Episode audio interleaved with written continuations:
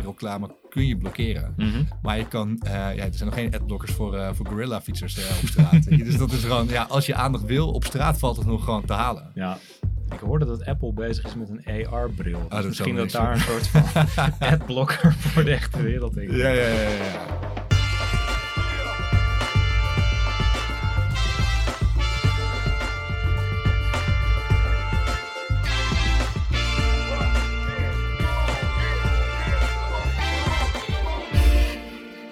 Goedemorgen, goedemiddag, goedenavond of wanneer je dit ook luistert. En welkom bij weer een nieuwe aflevering van The Brief. Het is vandaag eh, 4 augustus 2021 en het is aflevering 80 volgens onze iets wat diffuse nummering.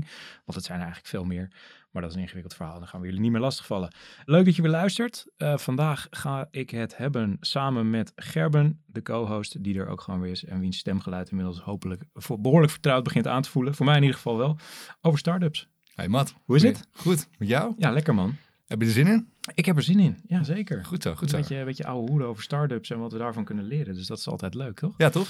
Ja, het is een beetje, het was een beetje een gek onderwerp, maar was iets van, ja, volgens mij kunnen we hier wel wat lesjes uithalen en is het ook leuk om naar te luisteren. Dus daar gaan we zo induiken. Maar we moeten natuurlijk eerst nog eventjes wat mensen bedanken die onze oproep voor pils eh, hebben, hebben eh, nageleefd. Hoe zeg je dat? Hebben, Ja, geen idee. eh, ze hebben onze oproep Bier werkt, heb ik geleerd. Precies. Voor de reviews. Mag nog steeds trouwens reviews achterlaten binnen Apple Podcasts. Ehm, maar een aantal mensen hebben dat gedaan. En die gaan ook wat biertjes van ons ontvangen. Waaronder eh, eh, Waterreus. Wil je dat nou ook? Eh, laat een review achter. Dat sowieso. En stuur even een mailtje naar hello met een e op zijn Engels. Hello at thebrief.nl En dan zorgen we dat er een pakketje Wayne Parker Kent Pils jouw kant op komt. Yes. En speciaal voor Waterreus, ook jouw bier komt eraan. We zijn ermee bezig. Alright. Vaste openingsvraag. Beste content. Yes. Zal ik hem aftrappen? Ja, beginnen. Ja, ik, zat, ehm, ik heb iets moois gevonden. Ehm, ik zat van de week op de bank een beetje door mijn eh, Instagram eh, stories te scrollen. Eh, het is natuurlijk Olympische Spelen. Het is sowieso een lekkere sportzomer. En ik scrollde langs een story van de New York Times. En die hebben dus een augmented reality experience hebben ze ontwikkeld. Experience. Experience. Ik, ik quote gewoon hun eigen, hun eigen teksten. En daarin is het mogelijk om te racen tegen een gold medalist op de 100 meter. Dus wat je moet doen, je pakt die, eh, die app erbij. Het is gewoon een soort van eh, eh, augmented reality filter op je Instagram eh, ehm, eh, story, zeg maar. Mhm. Ga met z'n tweeën ga je de straat op, eentje filmt. Dan zie je zeg maar op je filmpje zie je 100 meter afgetekend worden op straat. Eh, je vriend of vriendin die kan gaan sprinten en die kan je tegelijkertijd tijdens het begin van de sprint of ja gewoon gedurende de sprint kun je zien of je nou net zo snel bent als een gold medalist of dat je sneller bent of eh, En die kan je dan ook kiezen, zeg maar. Dus ik ga tegen Usain Bolt of ik ga tegen eh, iemand anders. ja dat weet ik nog niet helemaal. Ik, we gingen het uitproberen op kantoor, maar ons kantoor is geen 100 meter, dus ik denk dat het daarom misging. Ja. Maar ik vond het gewoon een leuke, leuke, ja, leuke experience om het Ja. zomaar te noemen. Leuk gedaan. Alleen past het bij de New York Times? Ja, wat past niet bij de New York Times. Ja, dat is ook wel weer een goede Ja, natuurlijk. Het is innovatieve media. Dus Ja. wat dat betreft doen ze het goed. doen ze het goed. Ja, precies.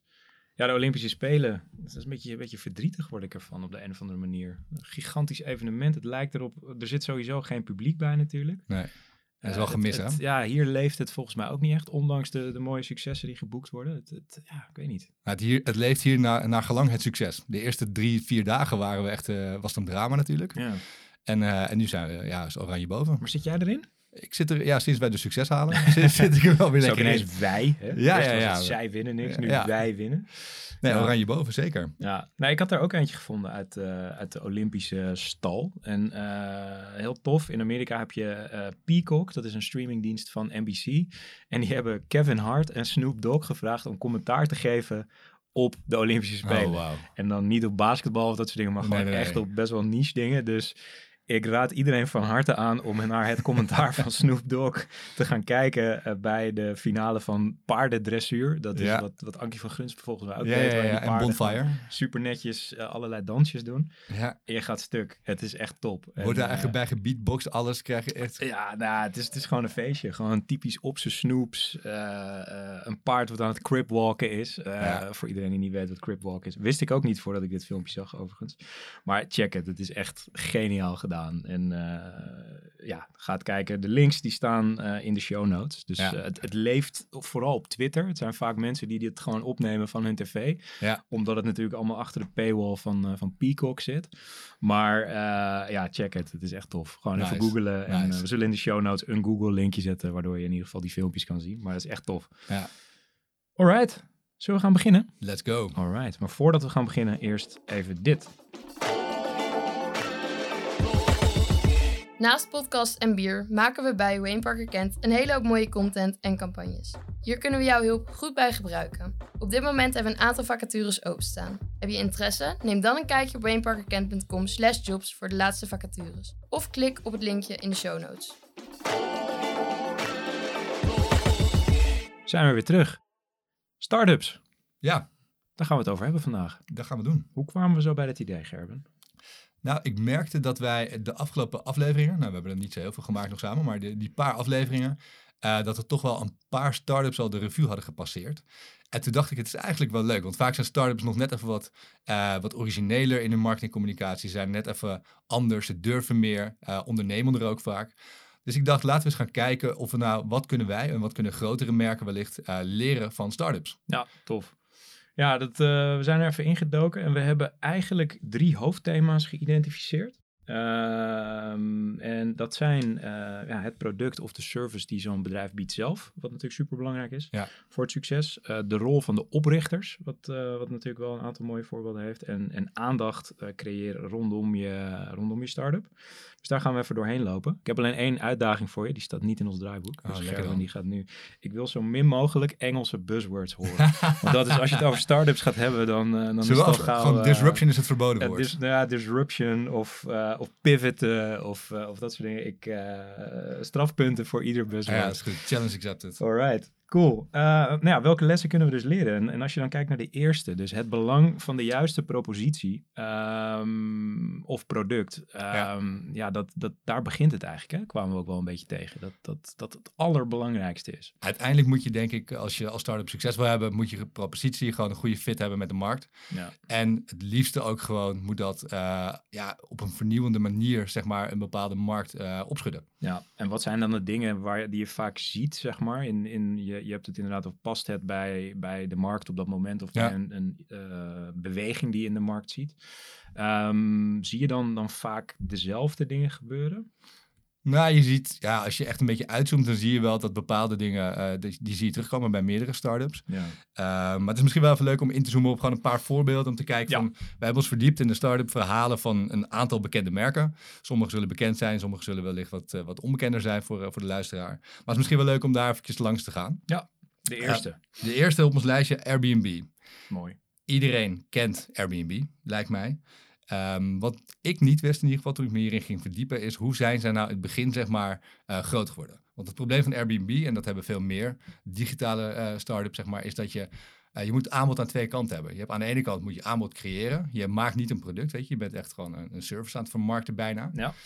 Maar je moet ook klant hebben. Waar begin je? Ga je eerst mensen werven die op zoek zijn naar een hotelkamer in dit geval, of een overnachting, of begin je met het aanbod? Nou, Airbnb heeft heel duidelijk voor gekozen om eerst te zorgen dat het aanbod op orde was.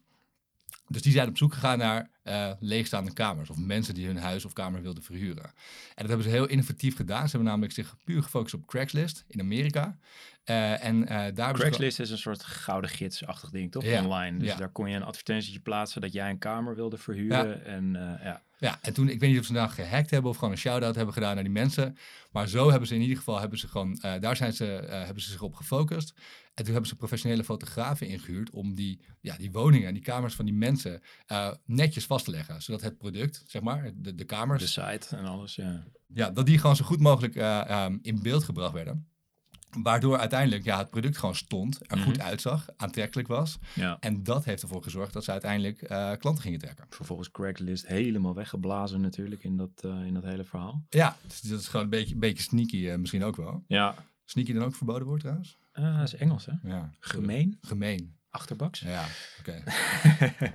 ja, nee, een mooi verhaal inderdaad, Airbnb. En, en wat ik leuk vind daar is ook hoe, als je dat, dat uh, beginverhaal van Airbnb leest, is dat die gasten die, die hadden geen geld. Ze wilden volgens mij, wilden ze een, uh, hoe noem je dat, een uh, ontbijtgranen. Ja. Ik wou cereal zeggen, mag dan natuurlijk ook niet. ontbijtgranenmerk waren ze mee bezig. En toen was er een conferentie van Salesforce in ja. San Francisco. En, ja. en toen hebben ze gewoon hun brakke kamertje volgens mij verhuurd voor vet veel geld. Ja, en toen kwam in één keer dat, dat vonkje van, hé, hey, hier zit wat. En, uh, en daar is het allemaal begonnen.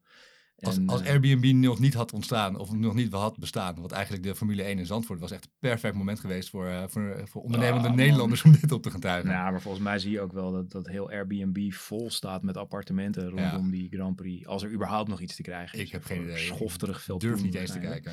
Ja, nee, maar het is, uh, het is Maar, deze uitdaging, dat is wel leuk. Airbnb is natuurlijk niet de enige die die uitdaging heeft van eh, aanbod aan twee kanten, zeg maar. Weet je, Mhm. je en je, je product samenstellen en je moet eh, echte klanten vinden, zeg maar. Ja. Eh, Uber heeft natuurlijk hetzelfde. Die moet ook gewoon eh, taxichauffeurs werven eigenlijk. En eh, ja, dat zie je nog wel meer in de digitale wereld. Zie je dat nog wel meer plekken terugkomen. Ja. En wat je wel vaak ziet, is dat dus ervoor gekozen wordt om toch te beginnen bij dat product. Ja. Die kant eerst op orde hebben. Nou, zeker. Ik denk dat dat ook gewoon essentieel is. Dat je, dat je gewoon een product moet hebben wat op een, een bestaande vraag past. En dat is natuurlijk ook gewoon het verhaal van, van eh, de meest succesvolle start-ups. En ehm, ja, wat, wat mij ook opviel is dat wat je bij heel veel van die, van die founder-verhalen ziet, dat ze eh, met een idee beginnen Ja. en daarna heel snel het roer om kunnen gooien. Ja. Uh, dus die, die, die snelheid en, en ehm, ja, dat aanpassingsvermogen, wat natuurlijk bij een oude bedrijf veel minder makkelijk Ja. gaat, is, is voor heel veel van die grote clubs eh, essentieel geweest tot hun succes. Ja. Zo is Instagram ooit begonnen als een, als een locatieachtige app zoals Foursquare volgens mij. Heette Bourbon, Ja. eh, net zoals de whisky. Ja, klopt. Ehm, maar uiteindelijk kwamen ze er op de een of andere manier achter van het is veel leuker als mensen foto's kunnen delen op die plek. En toen werd het in één keer het online fotoalbum eh, wat we nu allemaal eh, in onze zak hebben zitten ongeveer. Ja, nou, wat, wat vooral gebeurde is dat het was een, een app met heel veel functionaliteiten. Inderdaad, een soort van Foursquare. Er zaten foto-opties zat erin. Er zat van alles en nog wat in. En ze zijn al heel snel zijn ze goed gaan analyseren van wat wordt nou het meest gebruikt. En toen bleek dat mensen toch vooral zeg maar eh, die fotofunctie gebruikten. Toen zijn ze verder na gaan denken. Toen zeiden ze van oké, dus als die fotofunctionaliteit het beste werkt ehm, en we willen daarin doorbreken en daarin groot worden, hoe Ja. kunnen we dan daarmee zeg maar, wat kunnen we, eh, hoe moeten we ons positioneren? En toen hebben we eigenlijk een soort van gulden middenweg gekozen tussen Hipstamatic en Facebook. Ik weet niet of je Hipstamatic eh, nog, nog Ja, zo oud ben ik. Ja, ja, ja. Ik, Ik- heb daar nog wel aardig wat geld naar overgemaakt hoor, voor Ja, zo'n ja. Fotofilter Dan kunnen, we- kunnen we elkaar een hand geven inderdaad. Maar er waren weinig eh, foto-apps die die filters hadden. Dat deed Hipstamatic goed. Ja. Maar daar kon je bijvoorbeeld weer heel slecht foto's delen. Social sharing, zeg maar. Ehm, dus ze hebben gekozen voor een combinatie van Hipstamatic en Facebook op dat moment. En Mhm. daaruit is uiteindelijk het Instagram zoals we dat nou, in de beginjaren kenden, is, eh, is er zo ontstaan. Ja, precies. Ja, wat ik ook een interessante vond is, ehm, en dat zie je natuurlijk ook wel vaak, is gewoon het, het anders kijken naar je product. En daar hebben we ook wel twee voorbeeldjes van gevonden. Ehm, een voorbeeldje wat we hebben staan is, is Picnic natuurlijk. Ja. De, de boodschappendienst is geen heel innovatief product, boodschappen. Ja. Eh, boodschappen thuisbezorgd is ook niet heel erg, eh, heel erg nieuw meer. Er zijn natuurlijk wel vrij weinig spelers die dat goed doen. Uh, maar zij hebben daar toch ook wel redelijk uh, een, een, markt voor zichzelf weten te, te, slaan. Simpelweg door dat ze uh, alles gratis thuis bezorgen. En, en de kleine karretjes die, die lokaal beladen worden, volgens mij toch? Ja, maar de, go de goede vraag vind ik dan wel daar. Waarom, waarom werkt dit eigenlijk? Terwijl Albert Heijn het ook al jaren aanbiedt. Wat is het verschil? Nou, wat ik bij hun vermoed is dat het dus inderdaad ook gewoon aan de achterkant zit. Dus gewoon efficiënter kunnen werken dan, dan Albert Heijn. Ja. En um, ja, kijk, het is gewoon een prijzenspel. Ik denk wat je, wat je ziet tussen de fysieke supermarkten, dat het gewoon een, een prijsspelletje is. Um, ja, dat ga je hier ook gewoon merken. Dus, dus ja, Picnic zal op een gegeven moment goedkoper worden dan Albert Heijn. Kijk, Albert Heijn heeft natuurlijk diepe zakken en is een groot bedrijf. Dus ik denk dat het daar nog wel spannend wordt. En het is ook beschikbaarheid. Want volgens mij was Albert Heijn nog... Die had nog geen landelijke dekking. Nee. Picnic heb ik zelfs ook nog op de wachtlijst gestaan een tijdje. Of ik alsjeblieft daar uh, mijn boodschappen mocht bestellen. Ja, dus. Uh, dat is wel echt zo'n markt die gewoon nog volle bak in, in ontwikkeling is, volgens mij. Ja, maar sowieso de hele boodschappenmarkt is natuurlijk wel echt in ontwikkeling. Ook met Ja. alle flitsbezorgers nu erbij. Ja, ja de Gorilla's en, en, uh, en de, al de Zaps soort en uh, al die diensten en zo. Ja. Dus da Ja. daar gaat nog wel wat gebeuren. Want dit is ook best nog wel recent allemaal natuurlijk. Ik bedoel, Ja. Picnic is echt doorgebroken denk ik sinds uh, COVID. Ja. Eh, volgens mij las ik ook dat ze in, eh, in een paar dagen of paar weken tijd gewoon eh, ja, echt twintig keer over de kop gingen qua aanvragen en, eh, en eh, Ja. mensen die zich wilden aanmelden. Hey, en echt het anders kijken. Daar hebben we natuurlijk in Nederland ook wel echt een, een mooi voorbeeld van. Ja. Dus gewoon het, het eh, ja, volledig een andere kijk op de wereld aannemen. Nou, je ziet, eigenlijk heb je daar twee categorieën die echt wel in opkomst zijn geweest de afgelopen jaren. Je hebt natuurlijk de, de subscription of de abonnementmodellen, zeg maar. Ging Ja. bijna de in. Ehm, en deeleconomie. En ik Ja. denk dat je daar binnen de meeste, eh, ja, meest innovatieve eh, start-ups hebt gezien. Die ook gewoon wel het meeste ter verandering, ja, veranderd hebben in, in hun re- respectievelijke branche, zeg maar. ja. Swapfiets bijvoorbeeld. Mhm. Ja, dat is wel Eh, een mooi voorbeeld van eigen grond natuurlijk. Ja, dat is een heel mooi voorbeeld eigen grond. Eh, leuk om te vertellen is ook dat wij eh, volgens mij binnenkort iemand van Swapfiets in de uitzending hebben. Ja. Als, eh, als een van onze gasten. Dus daar gaan we nog veel, veel langer en dieper op, op in in die aflevering. Maar ja, los van dat zij gewoon de deeleconomie goed hebben, of de abonnementmodel, sorry, hebben, goed hebben benut voor een markt die dat nog niet deed op dat moment. Ja. Hebben ze ook heel goed ja, zichtbaarheid weten te creëren voor hun product. Gewoon met een hele simpele blauwe band. Ja, je ontkomt er niet aan in de stad, hè? Nee. Het is echt bizar. Heb jij een swapfiets? Nee, Nee, nee dat Nee, niet. niet.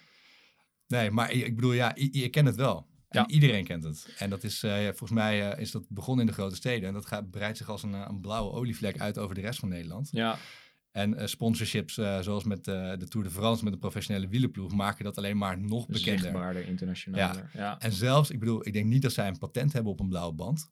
Eh, want ik, ik zag al andere fietsenmerken die ook blauwe banden aan het voeren waren. Maar toch, als ik dan die blauwe band zie, denk ik aan Swapfiets. Ja, natuurlijk. Ja. Maar dat is een beetje hetzelfde als de witte oortjes van de iPod. Dat Ja. iedereen dat ineens herkende als een soort Ja. symbool. Dus dat hebben ze echt super goed gedaan. Geniaal. Ik heb Ja. vandaag geleerd waar die blauwe band vandaan komt. Vertel. Heb je dat gezien? of niet? Nee. Ah, het is eh, de kleur van Delfts blauw. Omdat ze in Ah. Delft begonnen zijn, hebben ze dat Ja. dus als gimmick toegevoegd. En eh, ja, zie hier eh, per ongeluk een heel sterke marketingkeuze is dat geworden. Ja, dus dat is, dat is natuurlijk gewoon het, het anders kijken naar fiets. Ehm, zelf geen swapfiets ook nog. Ik, ja, ik weet niet. Ik heb het idee dat daardoor de fiets ook een soort van wegwerpartikel wordt. Ja. Heb je dat ook niet? Dat je gewoon veel minder zuinig bent erop en dat mensen een beetje afrachen omdat ze toch een andere krijgen. En, Dat, en ik heb echt rijen zien staan met een swapfietswinkel ergens in, eh, ergens in Amsterdam. Dat ik Mhm. denk van, ah ja, dat, ja, als ik dan eh, iets heb met mijn fietsje, zeg maar, dan moet ik alsnog in de rij gaan staan. Dan kan Ja. ik best goed naar de fietsmaker. maar ze komen toch naar je toe? Ja, dat dacht ik ook. Maar waar zijn die Dus rijen niet. voor dan? Ja, dat weet ik ook niet. Gaan we allemaal Ja. vragen. Ja. Eh, hebben jullie interessante vragen voor, voor mensen van Swapfiets? Eh, stuur ze ook gewoon naar ons toe op, eh, op het net genoemde e-mailadres hello at thebrief.nl. Dan nemen we die misschien mee in de show. Of wil je iets teruglezen waar we het over hebben? Dan ehm, moet je even naar de show notes. Die staan op thebrief.nl. En daar vind je alle linkjes naar, naar toffe content die we, ja, die we hebben benoemd. Eh, de tweede, die is ook wel lachen, eh, wat Ja. we hebben ontdekt. Eh, de rol van de oprichters van het bedrijf in, in het succes. Ehm, we vonden een onderzoekje waarin stond dat ongeveer 44% van de marktwaarde van een bedrijf toe te schrijven is aan de reputatie van de CEO. Vind ik best een hoop. Dat is toch bizar? Ja. Ik geloof ook niet dat het echt voor alle dingen opgaat. Maar Ik bedoel, er zijn ook vast genoeg bedrijven waar je niet eens van weet wie de CEO is. Dus hoe, hoe werkt dat dan? Precies. Kijk, de CEO van Philips is gewoon een hele, hele slimme en, en hardwerkende meneer. Maar ik Ja. geloof niet dat, dat die eh, goed is voor 44% van, eh, van de marktwaarde. Eh, aan de andere kant geloof ik wel. Maar was dat niet? Ik bedoel, nu is de CEO een hele slimme meneer. Maar dat was natuurlijk ooit iemand van de familie Philips. Ja. En ik denk dat het misschien wel voor de founder, misschien wel meer geldt voor de founder dan voor de CEO. Dat zou, ik, dat zou ik kunnen begrijpen. Ja, hier zou je denk ik een streep kunnen trekken tussen eh, bedrijven die al wat langer bestaan. En, en Philips is natuurlijk gewoon een wereldwijd conglomeraat versus eh, Ja, de daarom, wat recentere bedrijven. En ehm, ja, authenticiteit is natuurlijk wel een enorm thema. Dat vinden mensen super belangrijk dat een bedrijf vanuit een bepaalde visie is geboren. Ja. En daarom is de CEO bijna onvermijdelijk, omdat dat degene is die in veel gevallen dus ook het bedrijf bedacht heeft in- Ja. op dat moment. En je ziet zeker in het begin dat het DNA van de, van de founder, zeg maar, van de oprichter, dat wordt ook vaak de DNA van het bedrijf. Ja, als ik nou zo'n CEO aan jou vraag, wie noem je dan, zeg maar? Een, een, een- waarvan je denkt, die is goed? ja, de, ja de, de, de gebruikelijke namen zijn natuurlijk de, de Richard Bransons en de Elon Musk van deze wereld. Wie doet het beter? Elon Musk of Richard Branson? Ga je dan vragen wie het eerst op de maan was? Of? Nee, nee, nee, nee, nee, gewoon in het spectrum. Dus als je bedenkt van wat ze over de jaren heen allemaal uitgevreten hebben, wie, wie heeft het dan, dan beter gedaan? Ja, dat hangt er ook van af hoe, hoe meet je succes. Maar als ik kijk naar die twee, als, puur als karakter zeg maar, vind ik Richard Branson op een of andere manier meer aanspreken dan, dan Elon Musk. Elon Musk heeft voor mij in ieder geval, en zeker de laatste jaren, toch ook wel een heel wispelturig karakter gekregen. En eigenlijk is het gewoon ergens gewoon een beetje een gekkie. Ehm, die volgens mij, ja, waarbij ik twijfel ook een beetje bij zijn goede bedoelingen. Ja? Steeds vaker, ja. ja. Dat is gewoon een evil world domination. Nou, ja, precies. Ik bedoel, je hoort natuurlijk steeds meer verhalen en je hoort ook... Kijk, uiteindelijk, hij begon natuurlijk met bedrijven die heel goed wilden doen. Mhm.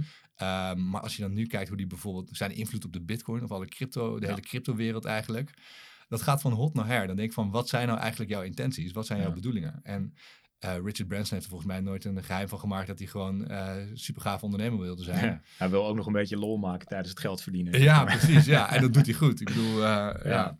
ja. met een ballon de wereld rond als eerste, speedboot, gekke dingen. Volgens mij is hij ooit met een tank ergens over een vliegveld gaan rijden. Of, nee, die tank, dat was die oprichter van Ryanair, wat ook wel zo'n oh, figuur is die af en toe op het podium klimt. Ja. Um, nee, maar die, uh, ja, dus de, de rol van, van de CEO is dus uh, bij jonge bedrijven in ieder geval echt mega belangrijk. Ja. Um, maar ik, het kan ook echt goed misgaan. En um, niet iedereen is even mediageniek natuurlijk. Nee. En uh, ja, het voorbeeld dat we daarvan vonden was, was uh, Henk-Jan Beltman van Tony Chocolonely. Die uh, zich geroepen voelde om graffiti op de muur te spuiten. Waarin een reepje Tony Chocolonely het heeft over Black Lives Matter. En vervolgens gearresteerd werd. ja, daar had ik iets van, dat, dat is niet hoe het werkt. Nee. Maar dat is een soort van nee. iets, iets, aangrijpen wat, waar je als merk niet zo heel veel te zoeken hebt, zeg maar. En op een hele verkeerde manier daarmee omgaan. Ja. Dus het kan ook wel misgaan. Ja. en we hebben het nu vooral over internationale namen gehad. Ja. wie, als wij naar Nederland kijken, wie vind jij dan echt een, uh, voorbeeld van een founder of een oprichter waarvan je zegt van nou, die, die doet het echt goed en dankzij zijn uh, ja, merk eigenlijk is het mhm. bedrijf ook gewoon uh, gegroeid? Nou, ik moet zeggen, ik vind, ik ken de, de oprichters van Swapfiets niet, maar daar heb ik heel veel respect voor hoe ze dat snel hebben kunnen bouwen. Uh, en ik vind, weet het, uh, Jitse Groen van, van uh, Just Eat, ja. Just Eat Takeaway, vind ik een, een ja, hele slimme guy. Die dat bedrijf natuurlijk ook gewoon uit de grond heeft getrokken.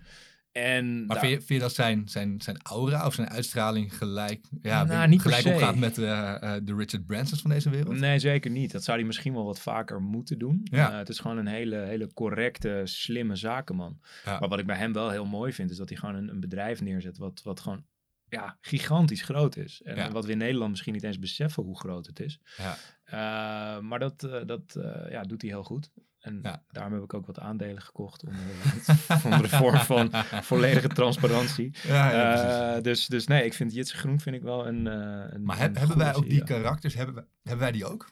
Die larger-than-life CEO's in Nederland. Nou ja, kijk, ik denk dat de, uh, de mensen die, die echt durfden, zoals de Victor Muller en uh, weet je nou, Michiel Mol, ja. die Spijker hebben opgericht. Ja. En daar wel gewoon ook een, een ja, ook zo'n merk met internationale allure, luxe, totaal niet het Calvinistische Nederlandse, doe maar gewoon, dan doe je al gek genoeg. Nee, we gaan nee. gewoon een luxe Hoofd, juist fabriek. boven het maaiveld uitsteken. Ja, we kopen een Formule 1 team en we gaan volledig uh, go big or go home. Ja. En kopen nog een gerenommeerd automerk genaamd Saab. Ja. en, en helaas niet gelukt. En het leuke, en misschien is ook wel een parallel dan als je het over Michiel Mol hebt, zeg maar.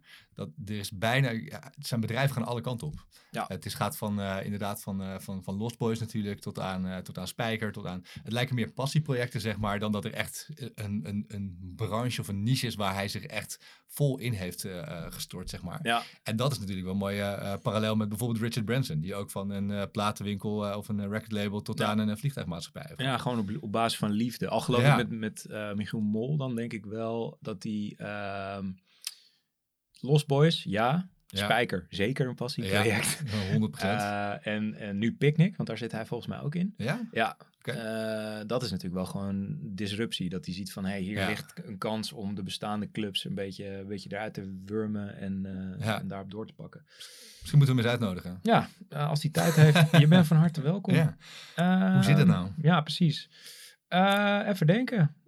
Heb jij nog CEO's waarvan je denkt van die, eh, die, die eh, heb ik hoog eh, op het...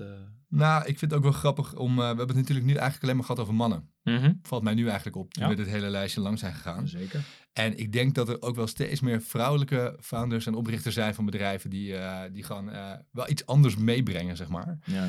Ehm, ik denk dat het meest ja, toonaangevende voorbeeld op dit moment eh, Winnie Wolf Hurt is, de oprichter-founder van, eh, van Bumble. ja, Bumble, dating app, dating alleen voor app. vrouwen. Niet toch? alleen voor vrouwen, maar het schijnt dat de, dat de vrouwen daar eh, het initiatief moeten nemen. Ja, dus als man mag je iemand liken, maar het, je mag pas contact hebben als de vrouw ook contact met jou wil. Volgens mij Zoiets, zoiets. ja, ja. In ja. ieder geval, het initiatief ligt bij vrouwen, eh, de bal ligt bij de vrouwen.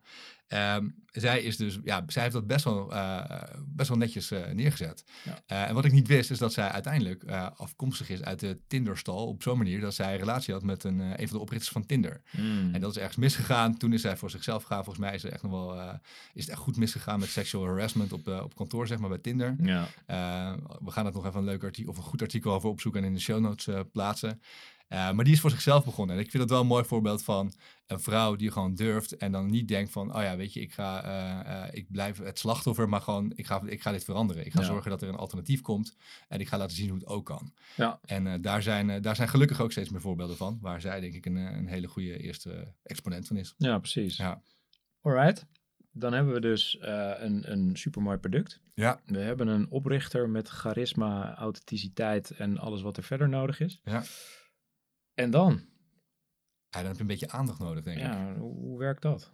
Ja, hoe werkt In de dat? wereld van, van eh start-ups dan. eh, Ja. Nou, wij, wij hadden het hier natuurlijk in de voorbereiding hadden we het hierover. En toen zei hij van, zijn er nog bedrijven die niet groot worden met, met SEO of referral marketing?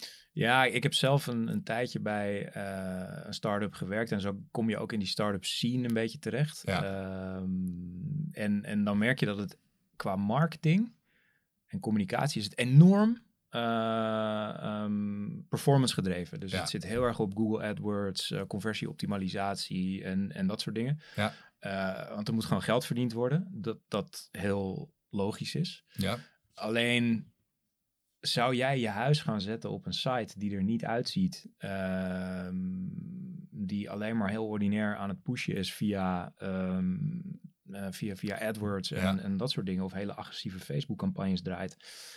Eh, ja, je moet ook iets aan je merk doen. En dat is iets wat natuurlijk heel moeilijk is, omdat een merk bouwen lang duurt en duur is. Ja. Dus, dus ja, dat, dat aandacht creëren voor een start-up is wel echt tricky. ja.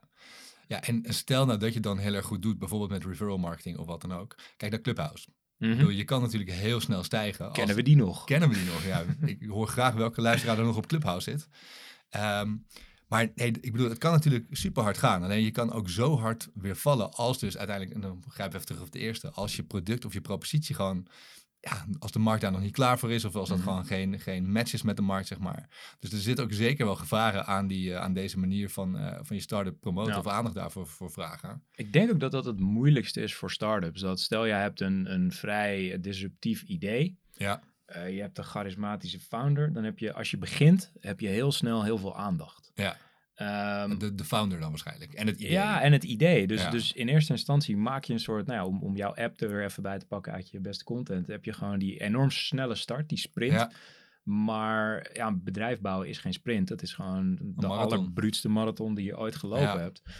Ehm, en, en juist daarna wordt het moeilijk. Want dan Ja. ben je niet meer het hipste bedrijfje van, eh, van het land. En Nee. dan moet je gaan bouwen. En dan komt het erop aan hoe je dat, eh, hoe je dat aanpakt. En hoe Ja. je dat dus elke keer weer weet te vinden. ja. Hebben we een voorbeeld van, van een bedrijf dat dat goed heeft gedaan?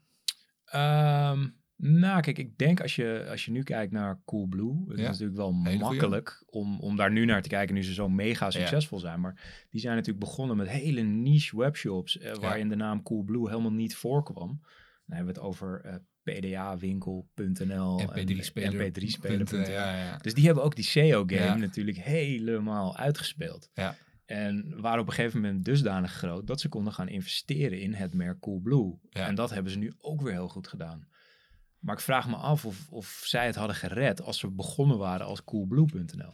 Ik denk het niet. Tenminste, ja, wat was op dat moment dan het onderscheidende karakter geweest? Want het was een, ehm, ja, dat merk moest nog gebouwd worden. Ja, Dus wat dat betreft voor, voor Coolblue, voor, voor retail dus in dit geval, een retailpartij, heeft het wel echt goed uitgepakt, ja. ja. maar we hadden ook een ander voorbeeldje. Althans, een, een iets ander, wel een beetje in hetzelfde segment. Bol.com. Ja. Die eh, heb ik ooit een keer gehoord, dat verhaal. En ehm Bol.com is vrij snel op tv gaan adverteren. Omdat zij een, een hele grote investeerder achter zich hadden natuurlijk in het begin. Eh, Bertelsmann Ja, Online. Duitse, PV. Duitse mediaconcern. Ja, die, die was betrokken bij de lancering van Bol.com.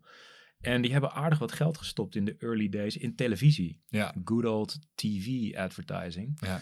Ehm, en daarom hadden zij heel snel het vertrouwen bij de, bij de, bij de, bij de bevolking van Nederland. Van hey, deze club is op tv, dus die zal wel betrouwbaar zijn. Versus al die andere clubjes die dat niet waren. En waardoor ze daar ook weer een verschil hebben ja maken. precies. Dus het, het kan beide kanten op, kan het wel werken. Ja, Ja, ja, al denk ik wel dat voor de meeste startups dat gewoon niet haalbaar is. En een investeerder zal, denk ik, eerder investeren in, in productontwikkeling en dat soort dingen. En niet zo makkelijk in, eh, in, in hele dure televisiecampagnes ja. eh, die, eh, die je vervolgens vier, vijf jaar vol moet houden. Dus ja, ik denk dat dat toch echt wel de route is. Of inderdaad iets, iets heel slims in je product verwerken, zoals de blauwe fiets van, eh van Swapfiets. van Swapfiets, ja. Ja, Nou, dat zie je natuurlijk ook. Ik bedoel, ook als je kijkt naar alle flitsbezorgers, die maken van hun fietsers of hun, eh hun brommerrijtjes of wat dan ook, die maken gewoon fietsende reclamezuilen van. ja. En dat is toch ook zeker in een tijdperk waar mensen steeds meer advertenties gaan blokkeren door abonnementen te nemen op televisiediensten of op Spotify of wat dan ook, zeg maar, weet je. ja. Eh, er is steeds minder, je kan steeds meer reclame, kun je blokkeren. Mhm. Maar je kan, eh, ja, er zijn nog geen adblockers voor, eh voor gorilla fietsers op straat. dus dat is gewoon, ja, als je aandacht wil, op straat valt het nog gewoon te halen. Ja. Ik hoorde dat Apple bezig is met een AR-bril. Dus dat misschien dat daar een soort van adblocker voor de echte wereld in. Ja, ja, ja, ja. Hoe zou de wereld er dan uitzien? Ja, Dat, eh, nou, ik zit me nu af te vragen. Ik weet dat er een stad is in, eh, in Frankrijk, hebben wij het wel eens over gehad. Eh, Grenoble volgens mij, waarin dus straatreclame, gewoon de abris en dat soort dingen, is, is verboden daar. Omdat ze vonden dat dat dus het, ja, het uiterlijk van de stad verpestte. mhm. Ik vraag me dus nu af, zijn flitsbezorgers daar ook verboden? Of moeten die in grijze pakken fietsen? Ja, ik denk dat dat daar... Nee, dat krijg je er toch niet uit? Kan niet. Kan niet. Lijkt me niet. Nee. Ik, dit gaan we opzoeken. Ja, want dan zou je ook de, de Coolblue autootjes en de Albert Heijn autootjes Ja. zouden ook niet meer mogen. Ja. Dan mag de loodgieter ook zijn naam niet meer op zijn bus zetten. ook. Nee. Nee, dat, dat gaat Dat niet. gaat te ver. Nee, dat kan niet. Dat kan niet. Alright. Eh, hoop geouwe hoer over startups. Als je nou heel kort moet samenvatten, wat hebben we geleerd? Wat hebben we geleerd? Nou, als we kijken naar product, eh, dus waar we mee begonnen, zeg maar. Ik denk dat we hebben geleerd dat je altijd moet blijven denken ehm, als een ondernemer. Hoe oud je bedrijf ook is, dat je altijd moet, eh, klaar moet staan om gewoon bij te sturen en je product eh, aan moet passen aan de markt of waar behoefte aan is. Snel durven kiezen. Snel durven kiezen, snel durven te draaien en te keren en goed, goed de markt in de gaten moet houden. Want anders word je, word je ingehaald door bedrijven die, die snel en jong en eh, heel wendbaar zijn. Mhm. Ehm, dat. Ik denk dat je ook gewoon altijd gewoon die technologie moet blijven volgen om te kijken hoe je dat in jouw voordeel kunt laten werken. Eh, dus dat als het gaat over, over product, is dat wel iets ja, wat, je, wat je ziet. En als je kijkt naar de CEO of de founder, ja, wat hebben we daar dan geleerd? Ja, ik denk dat het, het, je, kan- het kan werken zonder eh, charismatische founder. ik denk dat het meer, die 44% die je noemde, dat zal inderdaad niet op elk bedrijf van toepassing zijn. Nee. Ehm, ik denk dat het een plus is. Als je, als, als je een charismatische founder hebt en je Ja. hebt natuurlijk een paar, eh, paar namen in Nederland die daaraan kunnen voldoen, dan helpt het. Ehm, maar het is, ja, het is, het is geen voorwaarde. Nee. Dat lijkt me als je geen charismatische founder hebt, moet je hem ook niet op dat soort gekke PR-stunts sturen. Dat- Nee, nee, nee, nee, nee, dat werkt alleen maar averechts, denk Ja. ik dan. Ja. Ja, precies. Ja. ja, en qua aandacht, dat is misschien nog wel... Ik vind op dat vlak, zeg maar, dat grote bedrijven misschien nog wel het meest kunnen leren van, van een start-up. Puur alleen door het ondernemende en verfrissende karakter... eh, waarop zij vaak hun, hun campagnes aanpakken. En zoals zo'n, eh, we noemen het een keer de blauwe band van een swapfiets. Of eh, eh, alle manieren waarop je op het straatbeeld nu gewoon eh, ja, nieuwe start-ups en, en hippe merken voorbij ziet komen Mhm. ik denk dat eh, vaak geboren waarschijnlijk uit, uit eh, geldnood of eh, ehm, ja, weet je, je hebt niet zulke diepe zak als een, als een eh, als start-up natuurlijk. Dus je moet wel origineel zijn. En dat, dat gegeven, dat mee inbrengen in een groot bedrijf, ik denk dat heel veel grote bedrijven daarvan kunnen profiteren.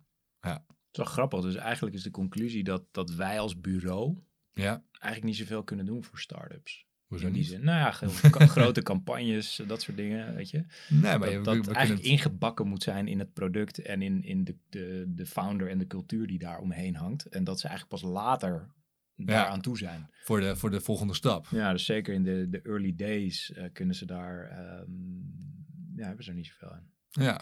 Ga ik dan tekort door de bocht? ja, misschien wel. Kijk, ik denk natuurlijk dat bureaus ook, of wij dat nou zijn of welk bureau dan ook, dat je natuurlijk ook, te- kijkt ook hoe, hoe bekijk je jouw rol natuurlijk. Je kan natuurlijk ook meedenken over inderdaad zo'n blauwe band. Of over een product feature wat gewoon opvalt op het stra in het straatbeeld. Of, eh, Maar geloof jij dat die blauwe band van, van dat dat bedacht is? Of dat ze gewoon dachten van, dat is tof, daar herken je het gewoon, dat is leuk. Maar Ik- dat dat zo'n ding is geworden? Dat Ik- dat gepland was? Ja, ik- nee, dat, het zo, dat het zo groot ging worden, dat, dat hadden ze waarschijnlijk niet verwacht. Nee.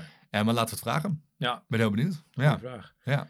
Cool. Zitten we alweer ruim een half uur eh, eh, in de show. lekker ouwe hoeren. Ja, dus dan eh, betekent het ook dat we aan het einde zijn. Mhm. Wat vond je ervan?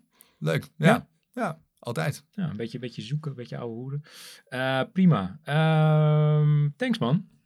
Volgende keer hebben we als het goed is een gast. Ik Ja. ga niet, eh, niet roepen wie het is en eh, dan jinxen we het misschien met corona. En voor je het weet hebben we de, de, de volgende variant te pakken en gaat het weer niet door. Maar eh, het ziet er goed uit, dus eh, hou de feed in de gaten. Eh, check debrief.nl voor de show notes, voor de linkjes naar alles wat we net geroepen hebben en misschien nog wel een beetje meer. En abonneer je vooral op onze show als je dat nog niet gedaan hebt. Wil je ons wat laten weten, stuur een mailtje naar hello at debrief.nl of ga naar de LinkedIn pagina van Wayne Parker Kent. Daar kijken we ook met enige regelmaat naar. En laat even een recensie achter, want dan delen we gewoon nog steeds bier uit. Ja. Maar stuur ons dan wel even een mailtje met je adres, want dan weten we ook waar het naartoe moet. En dan eh, maken, we, maken we Lin een beetje blij, want die had een beetje stress van, eh, van de vorige keer dat, Ja. dat ze geen idee had waar het naartoe moest. Nee. Dus Lin, bij deze, iedereen die mailt, die krijgt een pakketje. Dus eh, dat gaat helemaal goed komen. Eh, de productie was deze week in handen van eh, Alex van den Berg. Die zit achter twee hele dikke glazen wanden, maar die zwaait eventjes naar jullie. Thanks Alex. Redactie was wederom in handen van Lim Paulsen. En als je een pakje bier thuis krijgt, heeft zij dat ook gedaan. De studio waar we opnemen deze keer is de Park Studio in Amsterdam. Thanks Wouter dat we er weer mochten zijn. En onze mediapartner voor deze show is Immers. De brief wordt natuurlijk gemaakt door eh, Wayne Parker Kent. En dan rest me niks anders dan jou te bedanken, Gerben. Dankjewel. En de luisteraar te bedanken. En tot de volgende keer.